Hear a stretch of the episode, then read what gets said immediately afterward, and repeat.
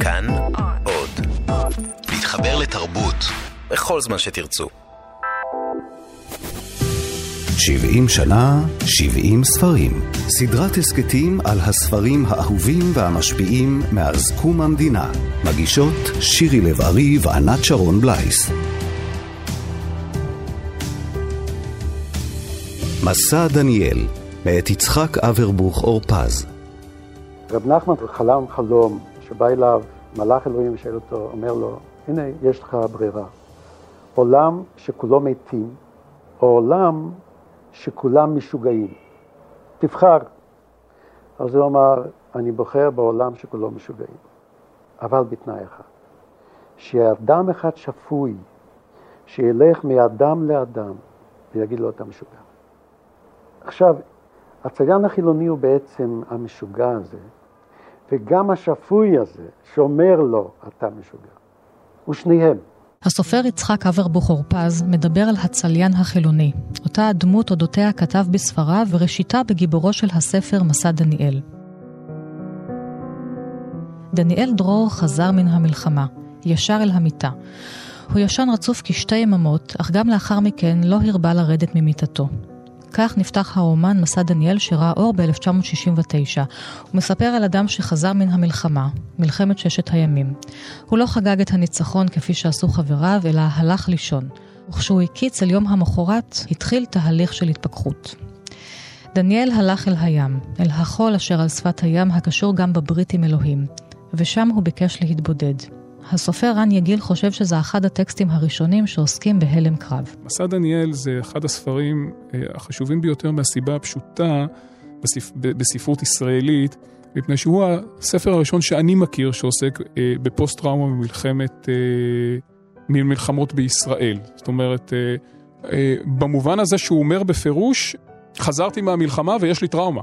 זה דבר, הוא עושה את זה אפילו לפני קניוק, מהבחינה הזאת. חזר, הוא לא מרמז על זה. אה, דניאל אה, חוזר מן המלחמה, לא יכול להיות, לחיות בחברת בני האדם ובורח אל הים. המשפט הפותח הוא גם משפט המפתח של הספר.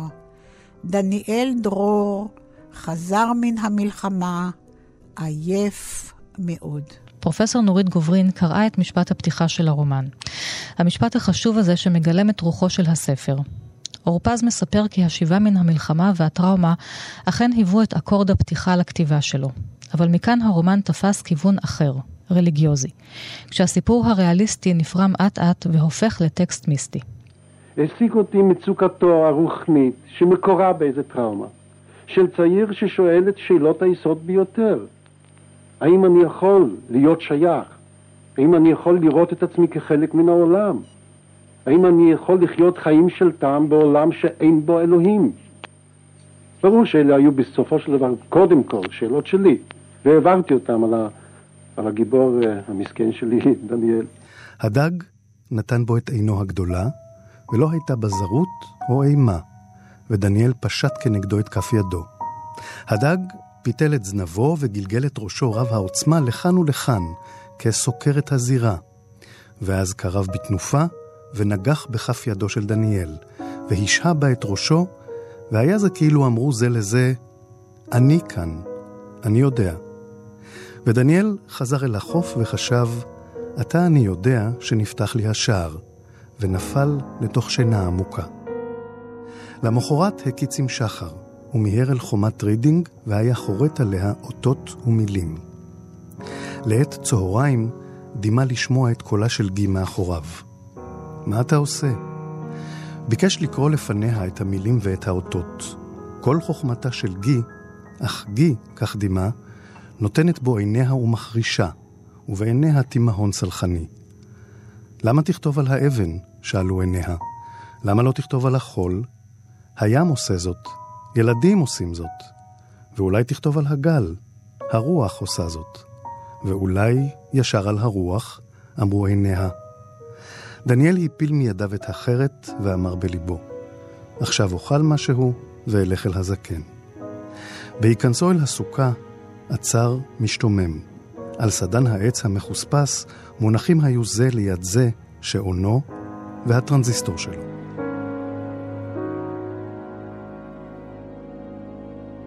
זה התחיל מזה ששמעתי מפי ידידה על אה, בחור אחד שהוא אה, היה ידוע כלוחם טוב ואמיץ, והנה הוא חזר, חזר מן המלחמה, ובתוך ההוא הכללי הזה הוא שתק. הוא לא יכול היה לחזור ללימודיו, הוא לא יכול היה לחזור למערכת היחסים הקודמת שלו. והשתיקה הזאת היא שתפסה אותי. ואז הרגשתי איך שכל אותן, איך שמסכת שלמה של בעיות רוחניות, אשר היו בעיות לגביי, הופכות לאט לאט לבעיותיו של דניאל. הרומן מורכב משלושה חלקים. דניאל חוזר מן המלחמה, פרקי רומנסה והתבוננות, דניאל חוזר הביתה. פרופסור אבנר הולצמן מעגן את סיפורו של הגיבור בתוך האירועים האקטואליים שסובבו את הכתיבה של הספר, וקושר בין המצב הישראלי בסוף שנות ה-60 לבין סיפורו האישי של הגיבור, שהוא גם יתום מאב. הספר הזה צופן לקוראיו כמה וכמה הפתעות. אה, כשאתה מתחיל לקרוא בו, נדמה לך שלפניך מעין רומן סאטירי, אה, שמוקיע את אותה תחושת אה, אופוריה, את האדנות, את תחושת השליטה במרחבים החדשים שנכבשו והרמיסה אה, של העם ש, שיושב בהם. ועל רקע כל זה מופיע הגיבור, אה, דניאל, שהוא קצין, קצין צנחנים מהולל, שחוזר עטור ניצחון ממלחמת ששת הימים. אבל כפי שמתברר עד מהרה, הוא לוקה במה שהיום אנחנו מכנים הלם קרב, אז עדיין לא ידעו לכנות את זה בשם. הוא שוקע בשתיקות, בבהיות ממושכות, בניכור כלפי סביבתו. הוא מתעב את אה, אביו החורג, אה, בעלה של אמו, שתפס את מקומו של אביו הנערץ שמת בילדותו. ואז, אה, אחרי פרקי הפתיחה האלה, שרבועים סלידה מן האווירה החומרנית, הנהנתנית של ישראל של 67 והלאה, אז מתרחש המפנה המשמעותי, כשהגיבור הזה מנתק את קשריו עם סביבתו, ויוצא להתבודד בחלקת החוף, שאז הייתה נטושה ומבודדת, שליד שפך הירקון, בצל הארובות של רידינג. דניאל, שחי על חוף הים, פוגש בדמויות שונות שאף הן רחקו מהמולת החיים. ביניהם דנינו הדייג, ג'ו בונה המכונות, וגי, הנערה שעולה יום אחד מן הים, ועימה יש לו סיפור אהבה. הפרק המרכזי ברומן הוא הפרק מסע על גרגר החול. פרק רוחני שגם הודפס באות אחרת. כאילו מדובר בטקסט נפרד. דניאל מדבר על גרגר החול ואל גרגר החול, ורואה בו משל לחיי האדם. יש בו בטקסט הזה גם משהו מאווירת מגילת קהלת. ושב אני ומביט בגרגר החול ומכוון את דעתי על גרגר החול, והנה שב הרי וניצב כנגד פניי ופני איש בתוכו. ואני אומר בליבי, המחפש את עצמו לא ימצא את עצמו, ואשרי המחפש את גרגר החול, הוא ימצא את עצמו. זהו מסע רוחני של אדם, אה, רופז במהותו הוא סופר מאוד נגטיבי, יש לו הרבה היבטים של ביקורת על המציאות, הוא מסתכל בפרטים של המציאות הקטנים והוא נגטיבי כלפיה. פה הגיבור שלו יושב מול הים ובעצם מגיע לאיזושהי סומה, לאיזשהו סיכום לגבי הקיום שלו דרך הפרט הקטן ביותר במציאות, שזה גרגר החול. הוא uh, מדבר עם גרגר החול וגרגר החול עונה לו, והוא מנסה לשתות uh, בהיבטים קיומיים מה, מה בעצם אנחנו עושים כאן, למה אנחנו uh, נמצאים כאן. וזאת תחילת הדרכו של הצליין החילוני בעצם, שעולה לרגל, כי אורפז הוא מין איש מאמין כזה, חילוני מאמין כזה, עולה לרגל אל הטבע, אל האין היכל, אל האין מקדש, והוא תמיד נמצא בדרך, בדרך אל הגאולה. כי לא מה שחשוב זה לא הגאולה עצמה, אלא החלום על הגאולה. היו עליי כמה וכמה מסכות. מסכה מפנים למסכה. אז אני קילפתי את המסכה החיצונית, והייתי בטוח שעכשיו אני אני, אבל למעשה עדיין, עדיין הייתי בתוך המסכה. ואז רק הבנתי את הרליגיוזיות.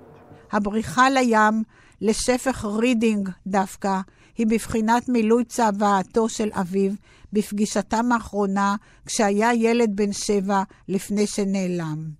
וכך כתב: כשאתה מסתכל בראי ואינך בטוח עוד אם אתה אתה, אז בני, ברח. בני, ברח אל הרוח, ברח אל הים, אל החולות, התחל מן ההתחלה, בני, מגרגר החול. זה מתוך 20 ספריו של יצחק אורפז, זה הספר היחיד שעשה לו כנפיים באמת, שחרג מן החוגים המצומצמים של שוחרי הספרות ונעשה לרב-מכר, אבל יותר מכך, הספר הזה הופיע ברגע מאוד מאוד מתאים מבחינה היסטורית ותרבותית. עם או בלי קשר לסיטואציה של 67, 8, 9, זאת הייתה תקופה שבה החברה הישראלית, או חוגים רחבים בתוכה, גילו איזה נטייה או נהייה לחיפוש רוחניות אה, חדשה. הרומן מסע דניאל הפך לספר פולחן לדור ההוא ששב מן המלחמה. מצד אחד המציאות הישראלית, ומצד שני ילדי הפרחים כבר רוקדים מעבר לים, והגלים מגיעים לחופי הארץ. דווח על קוראים שניסו ללכת בעקבות דניאל, להתבודד על חוף הים, ונמצאו מאולפים והספר בידם. בני הדור, ובמיוחד הצעירים שבהם, קראו אותו בעיקר כספר חיפוש אישי.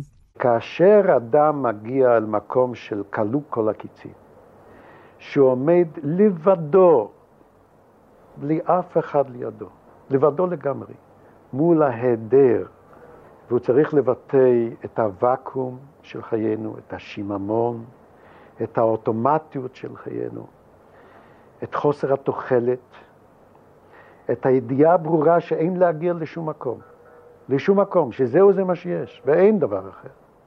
עכשיו, מי מקבל את, מי יודע לטפל בצורך הזה, בחומרים הנכונים לצורך הזה? האמן. יצחק אברבוך אורפז נולד באוקראינה והגיע לארץ בשנת 1938. לאחר מלחמת העצמאות המשיך לשרת בצבא קבע, ולאחר מלחמת ששת הימים הצטרף לתנועה לשלום וביטחון, שקראה לנסיגה מן השטחים. הוא זכה בפרס ישראל בשנת 2005, ונפטר בשנת 2015. אורפז הוא סופר שחותר אל התמציתי, אל העקרוני, לכן הוא גם אה, לא מקדש במיוחד את המציאות החומרית, הקונקרטית, אה, הוא סופר מובהק של פנטזיה, ותפס משבצת מיוחדת במינה במפת הסיפורת הישראלי. מסע דניאל שלו הוא מסע על אדם צעיר שהפך את ההלם לחיפוש רוחני. הספר עצמו אינו רומן פוליטי, כי אם עוסק בשבר ותיקון שחווה הגיבור. אבל המסע של דניאל אל הים, מסע הפוך ממסעו של אורי ההולך בשדות אל המלחמה, מלווה אותנו עם השאלות שלו עד היום. ופעם אחת עמדתי ליד אה, שוק חשמונאים, וראיתי אה, אה, איש זקן מאוד, יוצא עם שני סלים של כרכים טריים, וקצת גיבן, קצת מדדל רגל אחת, אבל המהירות וה... והגמישות של תנועותיו העידו על איזושהי חיוניות בלתי רגילה. אחר כך הוא נעמד ליד התחנה ונשא את פניו אל השמש, והביט בשמש ואני הסתכלתי עליו. וראיתי איך שפתאום נשפך אור על אלפי הקמטים של פניו, ומתוך הקמטים הביטו עיניים, עיניים על השמש, נקיות. הייתה בהם איזו שמחה, איזה אור, איזה דבר שלשום זמן אין שליטה עליו. והפנים האלה, העיניים האלה, האור הזה, הוא הדבר שליווה אותי בעת כתיבת מסע דניאל. עד כאן התוכנית על הספר מסע דניאל מאת יצחק אבר בוכורפז. תודה לאמוץ פרידמן על קטעי הקריאה, תודה למכון גנזים על ההקלטה של הסופר, כאן באולפן ענת שרון בלייס.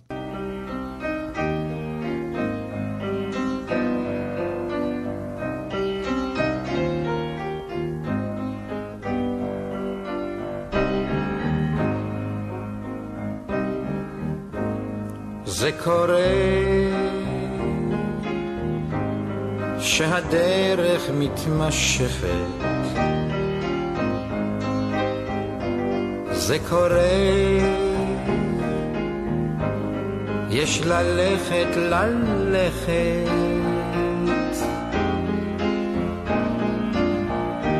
שום דבר לא ידוע לא שנה, לא שבוע, יש לנוע לנוע, ולחשוב שהייתי יכול לחזור על הכל, אבל בן אדם זה קורה. זה קרה שהדרך התמשכה לי. זה קרה, לא ידעתי איך זה בא לי.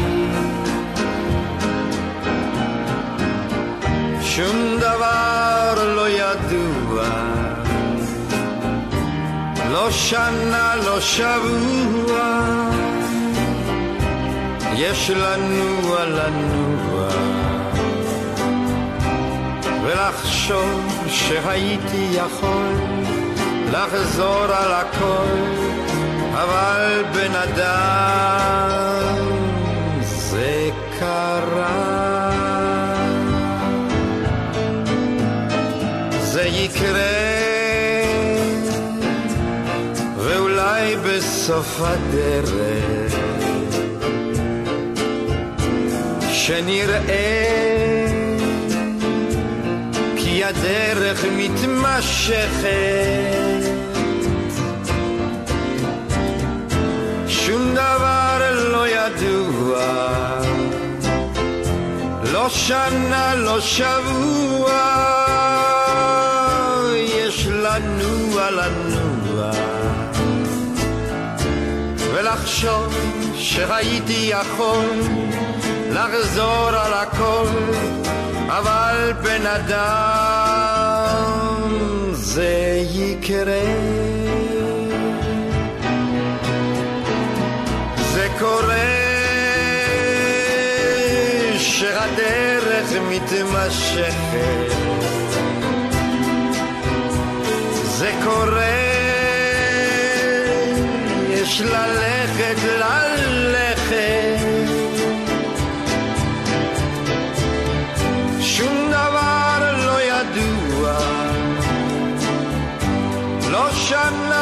שבוע, ויש לנוע, לנוע. ולחשוב שהייתי יכול לחזור על הכל, אבל בן אדם זה כל...